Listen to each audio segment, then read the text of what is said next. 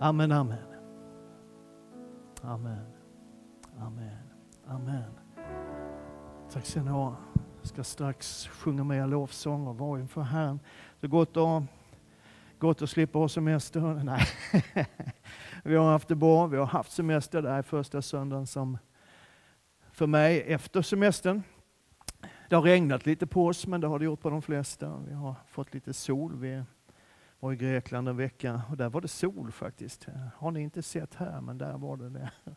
Och så där. Men det är gott att få mötas. Man inser liksom när man står i lovsången och prisar Gud så syns att man saknar det där. Man är inte riktigt medveten om att man saknar det förrän man är tillbaka i det. Ibland är det så.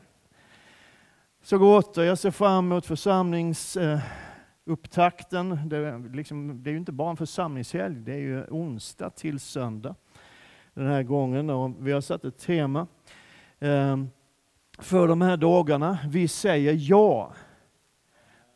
Visst är det bra? Ja, det är ju roligare att säga ja än nej. Eh, och det vi säger ja till det är Jesus, det är till hans ord, det är till hans närvaro, det är till allt vad han har. Det där bygger egentligen på en sång som, som lovsångarna kommer att sjunga en hel del tror jag. I alla fall under, under de dagarna.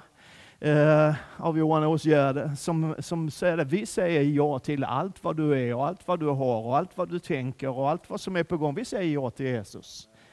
Sen kommer vi att hänga kvar vid det temat under hela Eh, september månad och fortsätta predika om att vi säger ja till hans vilja och vi säger ja till hans ord och till hans plan och till hans kraft. Amen.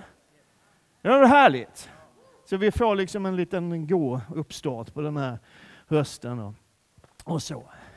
Det måste jag bara säga, om du, du har säkert redan hört folk säga det, men om du inte har sett det här programmet Saliga sånger från Nashville, så skulle du nästan gå hem nu direkt, men du får sitta en liten stund.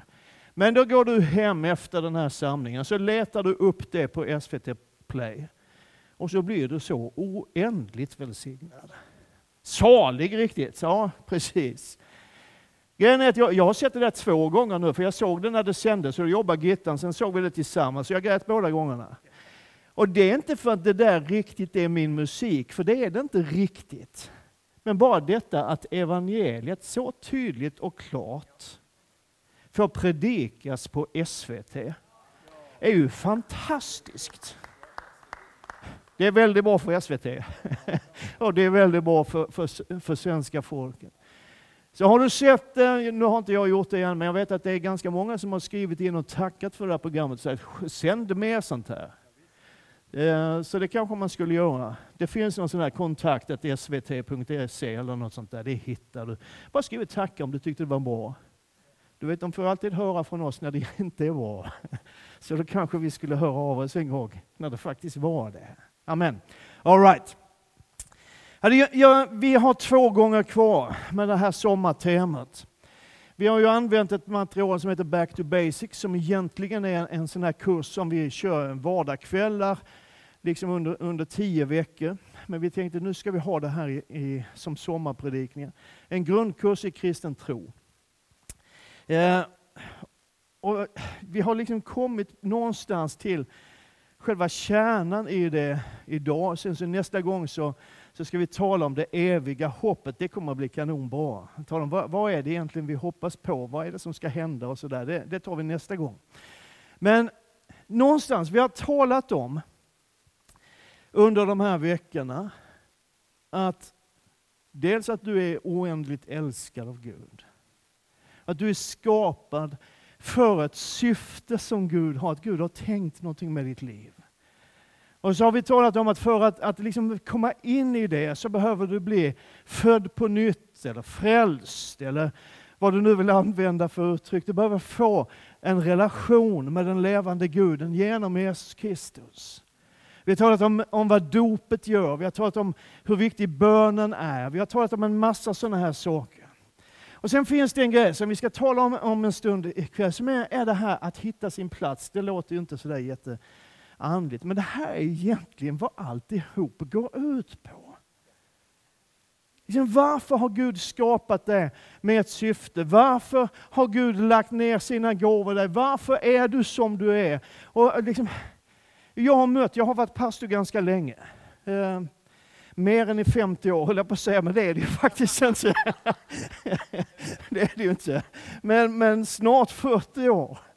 Eh, så jag är äldre än du. Ja, det kan man inte tro, men, men i alla fall. Okej. Okay. Men jag, hör, jag möter det så ofta, liksom, den här frågan. Det kan finnas hos unga människor och ibland så finns det hos äldre människor. Där. Ja, men hur hittar jag meningen med livet? Hur hittar jag, hur kan jag veta vad Gud vill med mitt liv? Kan man ens veta vad Gud vill med ens liv? Och sen så finns det liksom en massa olika skolor där en del går och väntar hela livet på att någon ska komma med ett profetiskt ord och säga så säger Herren, du ska göra det här. Och andra väntar liksom på något tecken i skyn. Eller, eller liksom, här, det var någon som hade en, en skylt på sin kontor, en, en pastorskollega, jag kommer inte ihåg vem det var. Där stod så här, If you're waiting for a sign, stod det på en skylt. If you're waiting for a sign, this is it. alltså om du väntar på, ja, det funkar inte på svenska så vi glömmer det. Men, men liksom en del väntar på det där tecknet, det här specifika. Och en del, del människor som jag faktiskt känner, som man blir lite bekymrad över ibland, det är de här som hela tiden tänker på det som ska komma sen. Ja, men sen så kommer jag. Längre fram så kommer Gud att föra mig in i någonting. Och om bara det här kommer till rätta, och bara det här blir, och då kommer jag att vara i Guds vilja fullt ut med mitt liv. Så jag tänkte tala en stund ikväll. Hur hittar jag Guds vilja med mitt liv? Och sen får vi se vad vi gör. Eilert har lovat att styra upp det här när vi närmar oss slutet, så det kommer att bli jättebra. För grejen är att det finns 8,1 miljarder människor i den här världen. Det är fler än vad vi är här idag. Och varje dag så föds det 385 000 nya människor. Och det är ganska lätt när man tänker på det att man får den här känslan av obetydlighet att ja men då spelar väl inte jag så stor roll. Att man inte har någon sån där betydelse. Vi pratade om för några veckor sedan när jag predikade här i ett tillfälle, liksom att, att jag menar, till och med i, i en del läromaterial så får unga människor liksom lära sig i skolan att det finns ingen mening med livet. Och det är rätt skrämmande. Och det är ju någonstans, liksom, vi, vi sa då för, för ett antal veckor sedan, vi sa det, nej men det är ju så här att om det inte finns en tanke bakom, om det inte finns en agenda med skapelsen, om inte någon har menat någonting med skapelsen, om det inte var någon som hade ett syfte med hela den här skapelsen, så finns det ingen mening med livet. Det är ganska logiskt, men det är få som orkar tänka den tanken hela vägen. Så liksom en mening med livet förutsätter att det finns en tanke bakom, eller hur? Och vi pratade om i början av den här sommaren vad synd är. Att det inte handlar så mycket om eh, allt vi gör och inte gör och, och säger och, och alltihopa, utan att det egentligen så handlar synd om att missa målet. Att bli någonting annat än det vi är skapade till. Att bli någonting annat än det Gud har tänkt, det är det som är synd. Att missa målet. Och då tänker jag så här, och jag tycker att det också en ganska logisk tanke. Liksom att att om man kan missa målet så borde man kunna träffa det också. Det kanske är svårare, jag vet inte, jag tror inte det. Men, men, kan man missa ett mål så kan man träffa det också. Och jag tror att vi har ett gemensamt mål, vi som är kristna. Det finns ett gemensamt syfte för alla kristna, det är att göra Jesus känd, trodd och älskad och efterföljd av sjukt många fler än vad vi är nu. Och i det här stora och övergripande syftet så har Gud gett varje enskild kristen en plats och en uppgift i församlingen och i livet i stort en kallelse, pratade man om förr i tiden, kanske inte gör så mycket nu, men en kallelse, en livskallelse, en livsuppgift, en mening med livet. Och vi har lärt oss, ja det har jag redan sagt, varför kommer det här? Vi, vi glömde det. Grejen är, tror jag, att för att verkligen hitta meningen med livet så behöver du framför allt fatta och inse att du är ingen slump. Och du är inte här av en slump. Och vi har citerat det här bibelordet, jag älskar det här bibelordet. Jag bygger hela min livsfilosofi på det här bibelordet. Att Guds ögon såg mig när jag bara var ett foster.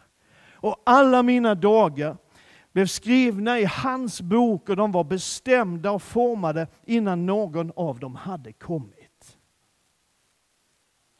Alltså det är ju rakt emot hela tanken om att ja, det finns ingen mening med livet och det är bara att se till att man har det någorlunda drägligt under de här 70, 80, 85 åren som man lever här.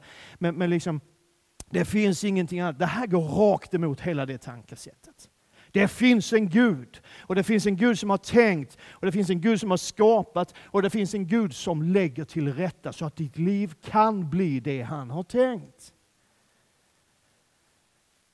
Och vi har sagt det många gånger, jag säger det rätt ofta, att Gud har en plan för varje människas liv. Ingen existerar av en slump, det spelar ingen roll hur det gick till när du blev till. Om det var någon som ville att du skulle bli till när du blev till. Det spelar ingen som helst roll, för Gud ville det. Amen.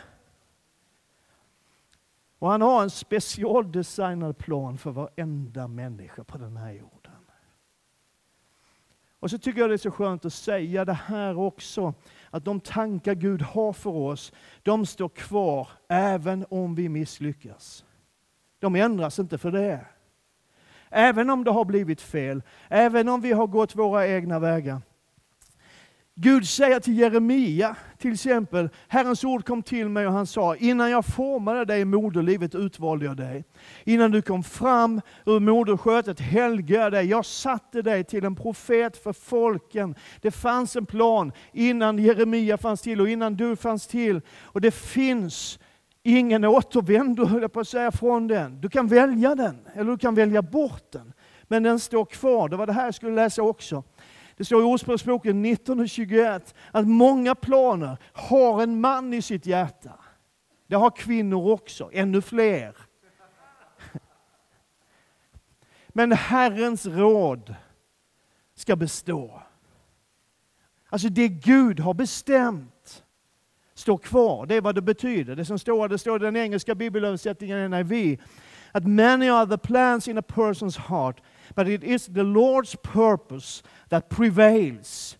Alltså det Gud har åsyftat, det Gud har tänkt, det han har planerat, det står kvar vad som än händer. Och hur mycket du än mässar upp ditt liv så står Guds plan fast där. Jag har sagt det här när jag har liksom haft undervisning på rehab med före detta drogmissbrukare, och en del var nog fortfarande drogmissbrukare, de var där. Och liksom så här, och de, de säger till mig, men jag har ju supit bort 45 år av mitt liv. Ja, men då får ju Gud bara spida upp. För han har inte ändrat sin plan. Det Gud tänkte från början försvinner inte för att du har supit i 40 år, eller du har gjort bort det, eller du har gått igenom en skilsmässa, eller du misslyckades med dina studier. Guds plan över ditt liv står kvar i alla fall.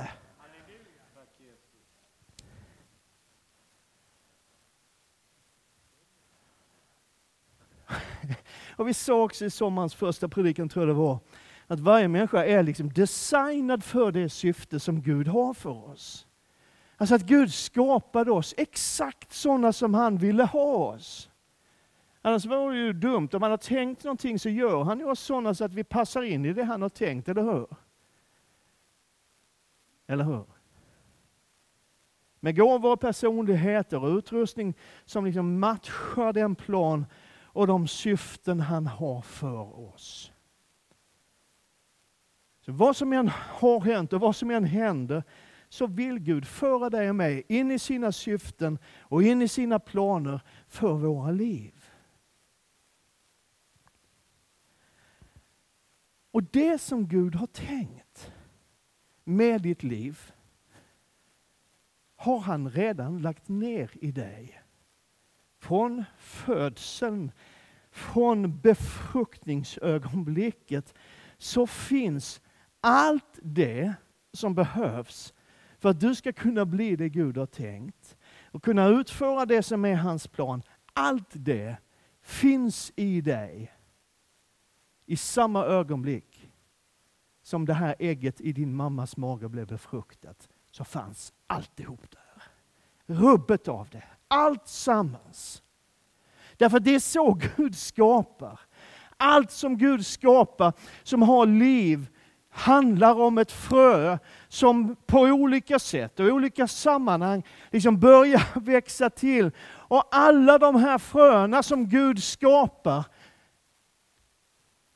innehåller allt redan från början av det som behövs.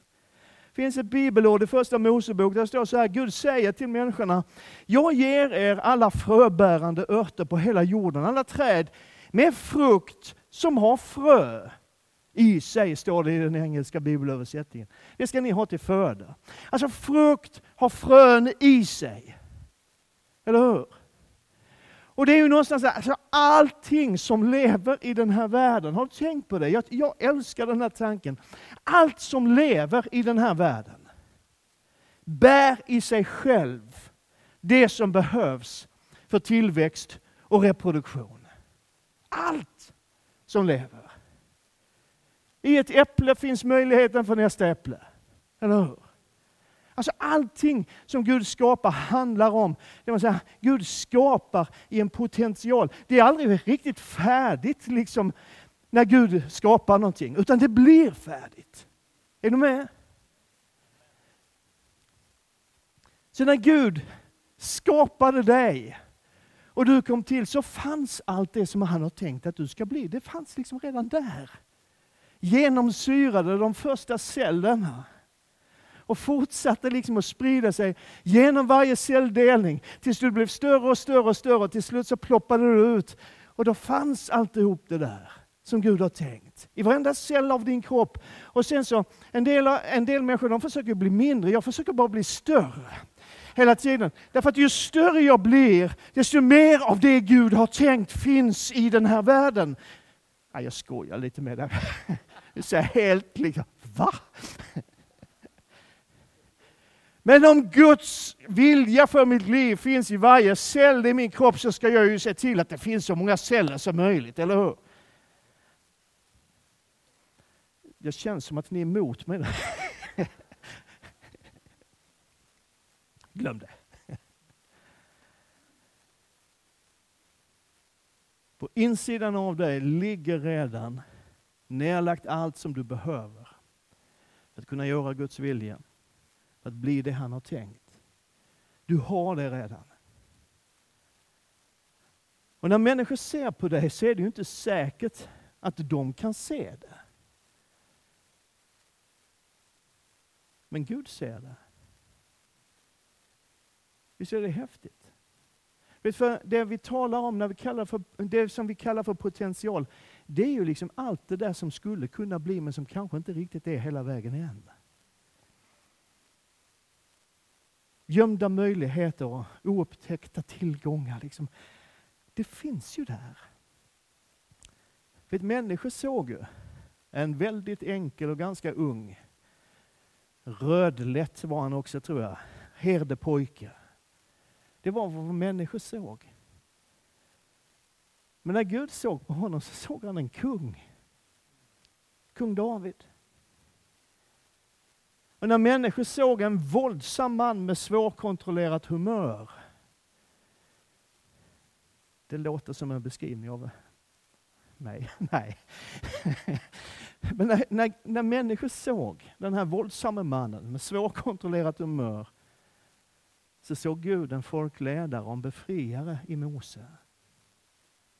Det fanns där. När människor såg en grupp enkla och olärda män av folket så såg Gud en grupp apostlar som förde evangeliet ut över hela världen. Och när människor såg en våldsverkare som förföljde och dödade kristna, och det var det enda människor såg, så såg Gud en världsevangelist och bibellärare som har skrivit största delen av Nya Testamentet. Och ibland tror jag det är nyttigt att fundera på, bara fundera och ställa sig själv frågan, vad ser Gud när han ser på mig? Vad ser Gud när han ser på dig?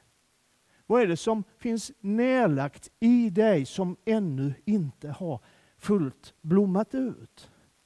Och då kan du tänka, ja men jag är snart 90 år. Jag måste vara 80 när han började. Och så höll han på i 40 år till. Eller hur? Så det spelar väl inte så stor roll hur gammal du är och hur, hur länge du har hållit på. Det kan ju fortfarande finnas, och jag vågar nästan påstå, det finns någonting mer i ditt liv som Gud vill. För om det inte gjorde det så hade han redan tagit hem dig. Men du är här. Och då finns det någonting som Gud vill med att du är här.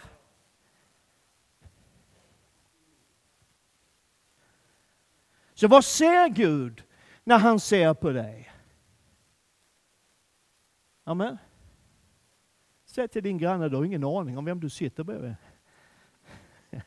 Nej, du behöver inte. Men grejen är, och det här är viktigt, att det räcker inte med att Gud har lagt ner allt det där i oss. För det behövs att du och jag prioriterar det som Gud har lagt ner i oss. Att vi tycker att det är viktigt, att det blir viktigt för oss att få tag på Guds plan. Att det blir viktigt för oss att bli och vara det han har tänkt med oss. Det här har, har, jag tror det här fanns med när Anna kom och predikade för ett par veckor sedan. När Jesus talar i Markus evangeliet. Guds rike är som när en man sår säd i jorden. Han sover och stiger upp, natt blir dag, säden växer och skjuter i höjden. Han vet inte hur. Av sig själv ger jorden gröda, först strå, sedan ax och sedan moget vete i axet. Och när grödan är mogen låter han genast skären gå, för skördetiden är inne. Amen. Alltså bonden, han som har sått, är inte ansvarig för växten. Det står han vet inte ens hur det där går till.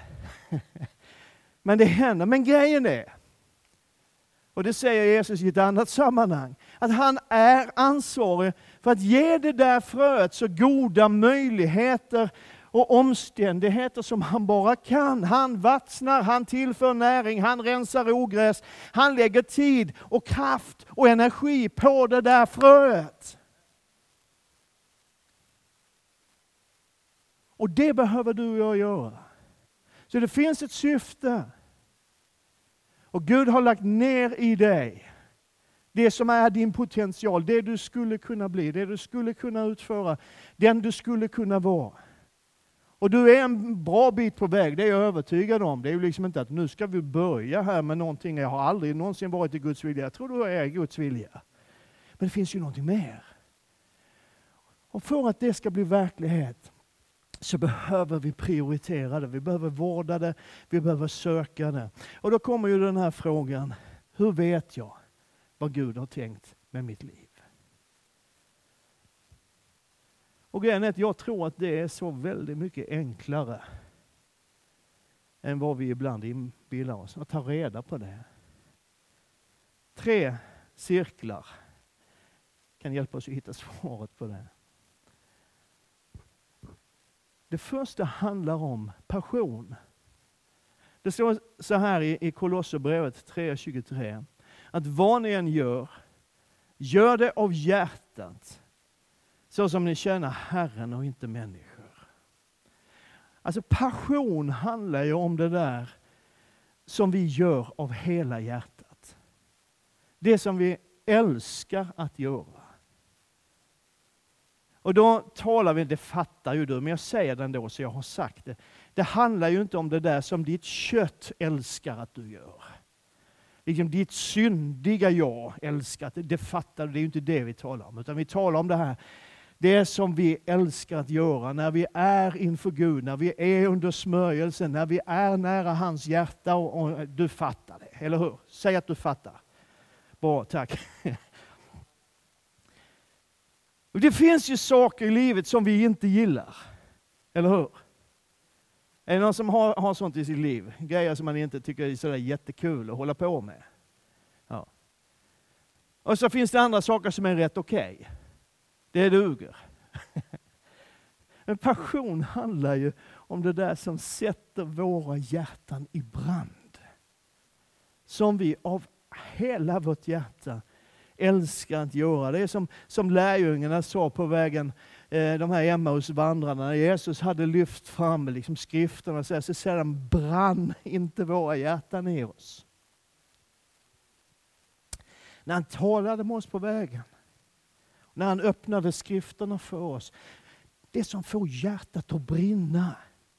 Amen. Och Det kan ju vara så olika uppgifter i livet. Liksom, jag är pastor, det är i stort sett det enda jag vet hur man är. Och knappt det, skulle jag säga. Men, men liksom, och det, det, finns ju, det finns uppgifter, det ska jag ärligt säga, det finns uppgifter i pastorsrollen som inte är jättekul. Men som behöver göras. Men så finns det ju de här grejerna som får hjärtat att brinna. Som att stå här ikväll och predika Guds ord för dig, till exempel.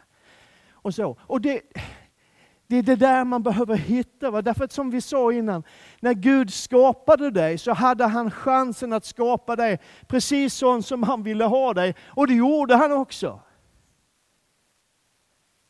Därför att Gud vet, precis som vi vet, att det man älskar att göra, gör man oftast bättre. Eller hur? Än sånt som man inte riktigt tycker om.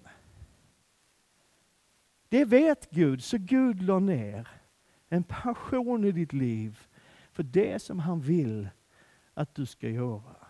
Ibland så får man fundera över, vad är din största passion? Amen. Men vad är anden när du tänker? Inte i köttet. Det andra handlar om begåvning eller gåvor. Vi har ju olika utrustning. Vissa saker är man bra på och andra saker är man hyfsad på. En del är man riktigt kass på. Eller hur? Och jag har ju märkt, liksom, eh, det kan man se hos de flesta människor, att det finns någon sorts överlappning ofta mellan det man verkligen älskar att göra och det man är bra på. Det hänger ofta ihop lite grann. Liksom passion och gåvor hänger ihop. Och då tjänar det inte så mycket till att fundera över vad vi inte har. Tänk vad mycket tid vi lägger på att fundera på det vi inte har. Tänk om jag kunde. Tänk om man var mer som han eller hon. Tänk om jag hade det där. Tänk så mycket bättre allting skulle vara om jag kunde det där och det där. Alltså det, det, det är klart man kan tänka de tankarna, men de hjälper inte särskilt mycket. De för dig inte framåt en millimeter. Att jämföra med andra och fundera över vad du inte har. Och vet, Bibeln innehåller så otroligt många berättelser och liknelser som uppmuntrar oss att använda det vi har. Eller hur? Har tänkt på det? Och Vi kan tycka ibland att det vi har är så litet, men Gud kan och vill använda det där lilla. Jag älskar den här berättelsen eh, i, i Andra Kungaboken. Där står om att en kvinna som var hustru till en av profetlärjungarna ropade till Elisa, min man, din tjänare, har dött. Och du vet att din tjänare fruktade Herren. Nu kommer hans fordringsägare, vill ta mina båda söner till slavar. Och Elisa sa till henne, vad kan jag göra för dig? Vad har du hemma? Många av er känner igen den här berättelsen. Och det funkar så på den tiden liksom att om man inte kunde betala sina skulder så, så fick man ju arbeta tills skulden var fri. Om man inte själv kunde göra det så kunde man då som fordringsägare ta sönerna, som i det här fallet då, så har den här killen då som har satsat på bibelskolan eh, och sådär och inte tänkt på att han kanske skulle försörja sin familj, så han har väl lånat ihop pengar, så har han gått bibelskolan så dör han. Det är vad som händer, eller hur? Och då kommer fordringsägarna och tycker att nu är det dags att betala. Jag har inga pengar, vad har du? Jag har två söner här, då tar vi dem så länge. Och så går hon till Elisa och berättar hur det är. Och hon är ju liksom fokuserad på vad hon inte har. Eller hur? Att nu finns det en förlust här. Och grejen är att när Elisa frågar henne, vad har du för någonting? Så är hennes svar att jag har ingenting. Det är hennes svar.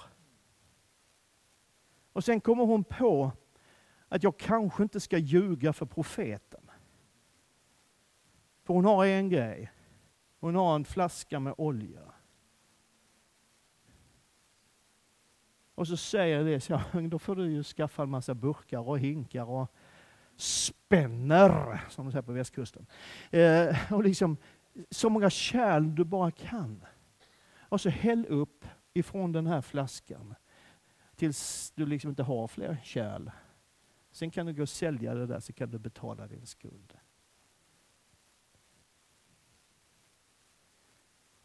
Vad är det du har? Vad är det du har? Som du säger om att jag har inget och så finns det någonting. Ja men det är så lite, ja men det kanske inte behöver vara så mycket mer. Den här grabben som, som kommer med sina fiskar och sina bröd till Jesus. Jag kommer ju aldrig ihåg hur många det är av varje, för det är två olika berättelser. Men är det fem bröd och två fiskar, eller är det fem fiskar och två bröd? Ja. Va? Fem, fem fiskar och två bröd. Fem bröd och två fiskar. Det var inte mycket fisk. Men stora fiskar. Eller hur? Ja. Va? Ja, och en liten kille. Och så är det massvis med folk. Och liksom alla fattar, ja men du, du har hört den här storyn. Alltså det, det, det, är ju, det är ju så löjeväckande någonstans, alltihopa. Men Jesus tar hand om det och välsignar det, sen skickar han iväg den här grabben så har han tolv korgar över. Så man kan fundera på hur man tar hand om fisk. Tolv korgar fisk för 2000 år sedan i Israels värme. Och inga kylskåp och ingen frys. Men de hade party sen när han kom hem. Fiskparty. Men alltså, det, det finns så många som säger, ja men använd det som du har. Eller hur? Man kan ju tänka sig att Mose, när Gud kallar Mose, han till slut går med på att, att liksom leda det där folket. Han är ju väldigt tveksam kan man säga, Mose, eller hur? Så kan han ju tycka, men om jag ska leda folket och jag ska prata med far, då får du ge mig en spira, en riktig kungaspira som visar min auktoritet och min makt. Och han får en trästav. Men det funkar lika bra. Amen. Det lilla som du och jag har vill och kan Gud välsigna. Så att det blir någonting stort och mäktigt och härligt av det.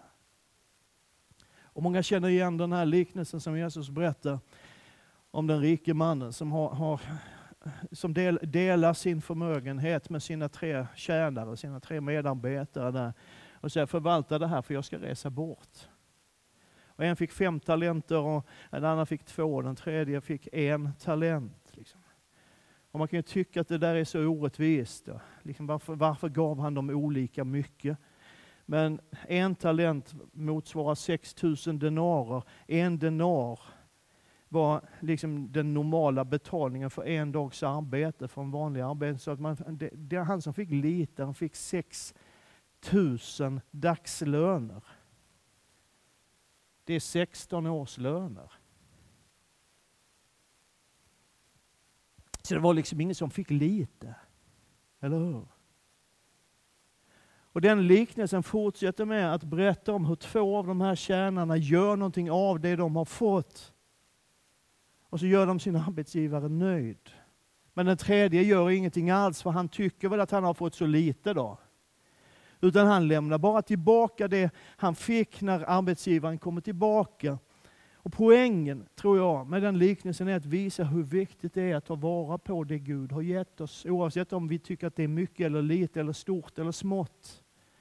Utan att det vi har fått gör vi någonting av. Gud har gett dig gåvor. Gud har gett dig en begåvning. Det finns sånt som du är bra på. Så finns det kanske sånt som du är mindre bra på, men det finns någonting som du är bra på. Och en del gåvor är sådana här medfödda talanger som man inte vet var det kommer ifrån. För jämför man med mamma och pappa så de var inte bra på det här. Men An, andra grejer är sånt som vi har lärt oss förvärvade kunskaper. Men utöver det som du är född med och förvärvade kunskaper så kommer Gud och så kompletterar han hela utrustningen med sin ande, med den heliga Andes gåvor. Med, med liksom en övernaturlig dimension rakt in i ditt liv. För att du ska kunna vara det han har tänkt. Det finns olika nådegåvor, men anden är densamme. Det finns olika tjänster, men Herren är densamme. Det finns olika kraftgärningar, men Gud är densamme. Han som verkar allt i alla. Men hos var och en visar sig anden så att den blir till nytta. Och Det leder till den allra sista cirkeln här. Vi har pratat om passion, vi har pratat om begåvning och så behov. För det vi har fått, det Gud har lagt i ditt och mitt liv, är egentligen inte till för oss själva. Vårt uppdrag som kristna är inte i första hand att förverkliga oss själva och leva vår dröm. Utan uppdraget som Gud har gett oss är större än så. Och det handlar om att se behoven och fylla behoven. Gud sa till Abraham, gå ut ur ditt land, från din släkt, från din fars hus och bege dig till det land som jag ska visa dig. Där ska jag göra dig till ett stort folk. Jag ska välsigna dig och göra ditt namn stort. Och du ska bli en välsignelse. Alltså välsignad för att vara en välsignelse. Gud har gett för att du ska ge vidare. Det är ett annat sätt att uttrycka samma sak. Gud har lagt ner i ditt liv för att det ska bli andra människor till hjälp. Och Gud välsignade Abraham på en massa olika sätt. Han blev extremt rik och han hade stora tillgångar. Men han hade också en, en, stor tro på Guds storhet som smittade av sig. Och Abraham blev välsignad, inte för sin egen skull, utan för att kunna vara till välsignelse. Och Jag tror att det är likadant med dig och mig, oavsett om det är stort eller smått. Det vi har, om det är mänskligt eller andligt, vi kanske skulle sluta och skilja på det. För det är Gud som är alla gåvors givare. Det vi har är till för att vara andra människor till hjälp. Och överallt runt omkring oss så finns det så många behov. Så enormt många behov. Och ingen av oss kan fylla alla behov. Men jag tror att var och en av oss möter situationer där just de vi är och de gåvor vi har och det, det som vi kan och det vi är bra på kan förändra tillvaron för någon annan.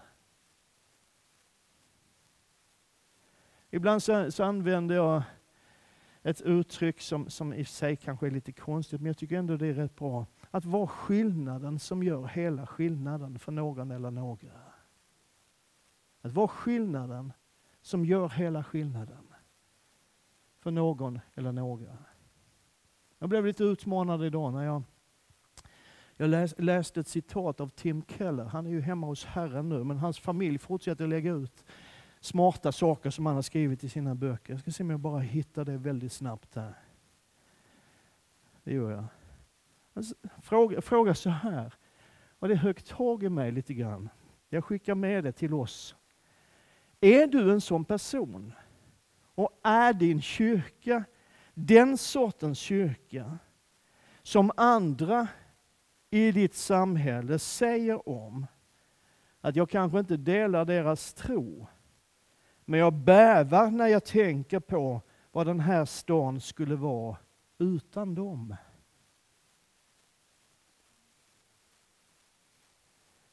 Är du och jag sådana människor? För det tror jag ligger i det Gud har tänkt med våra liv. Är vi en sån kyrka? Så att när människor tänker på hur vore Enköping utan ena kyrkan, så känner de skräck. Fy så hemskt!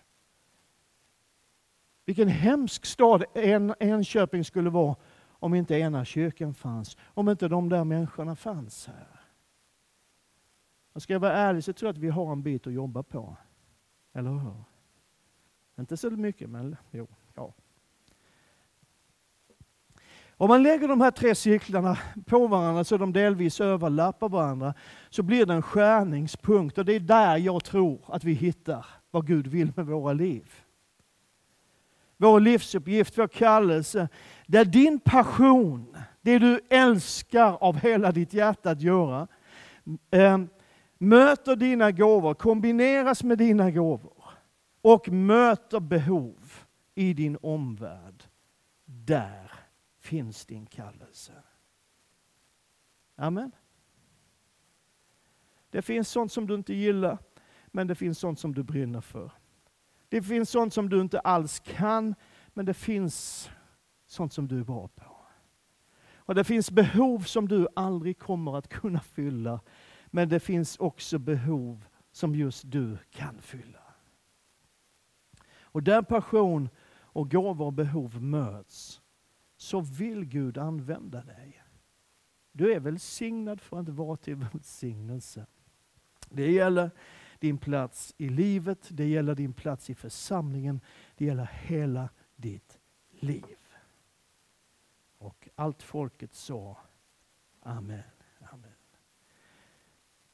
Innan vi går in i en stund av, av bön, jag bara skickar med de här frågorna till fikastunden sen, får ni prata om dem om ni vill. Men jag, jag tänker så här, liksom, vad är det som gör att vi har så mycket lättare att se det vi inte har än det vi har? Och kan vi göra någonting för att hjälpa varandra? Att hitta vår uppgift och vår plats och kanske se det som vi har istället för det vi inte har. Lite grann så, det kan man väl ta med sig och prata om. Amen.